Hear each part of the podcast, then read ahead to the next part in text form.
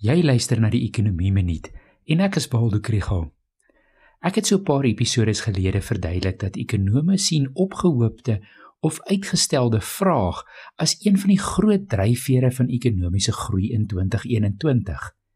Nuwe data oor huishoudings se spaargeld wys nou hoe groot daardie vraag kan wees.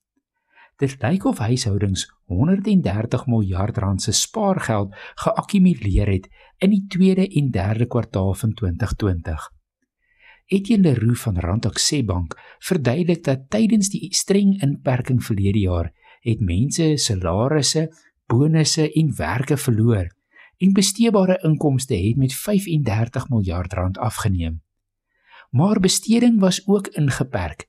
Net noodsaaklike produkte was te koop En as jy gewerk het, het jy van die huis af gewerk. En so het besteding met amper 4 keer meer afgeneem as inkomste. Op dië manier het huishoudings 50 miljard rand gespaar. In die derde kwartaal het ongeveer 600 000 mense teruggekeer na die arbeidsmark en weer inkomste verdien. Maar besteding het met nie het nie met so baie toegeneem soos inkomste nie en weer het huishoudings gespaar ongeveer 80 miljard. Hierdie syfers sluit natuurlik nie die 4de kwartaal in nie, maar dit bevestig ander tekens van opgehoopte of uitgestelde vraag. Banke beleef stygings in deposito's, geld stroom na effekte trusts en die aandelebeurs. Die eiendomsmark doen goed en spekulante is oral, vanaf graan afgeleide instrumente tot Bitcoin.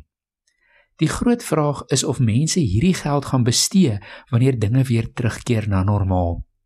As jy in my makro-ekonomie klas is, gaan ons binnekort praat oor die gevare van 'n likwiditeitslokval. Maar met ekonomiese groei in gedagte, hoop ons dat mense wat spaargeld het, binnekort gaan begin om dit te bestee. If you want to learn more about the economy, follow the Econ 101 page on Facebook.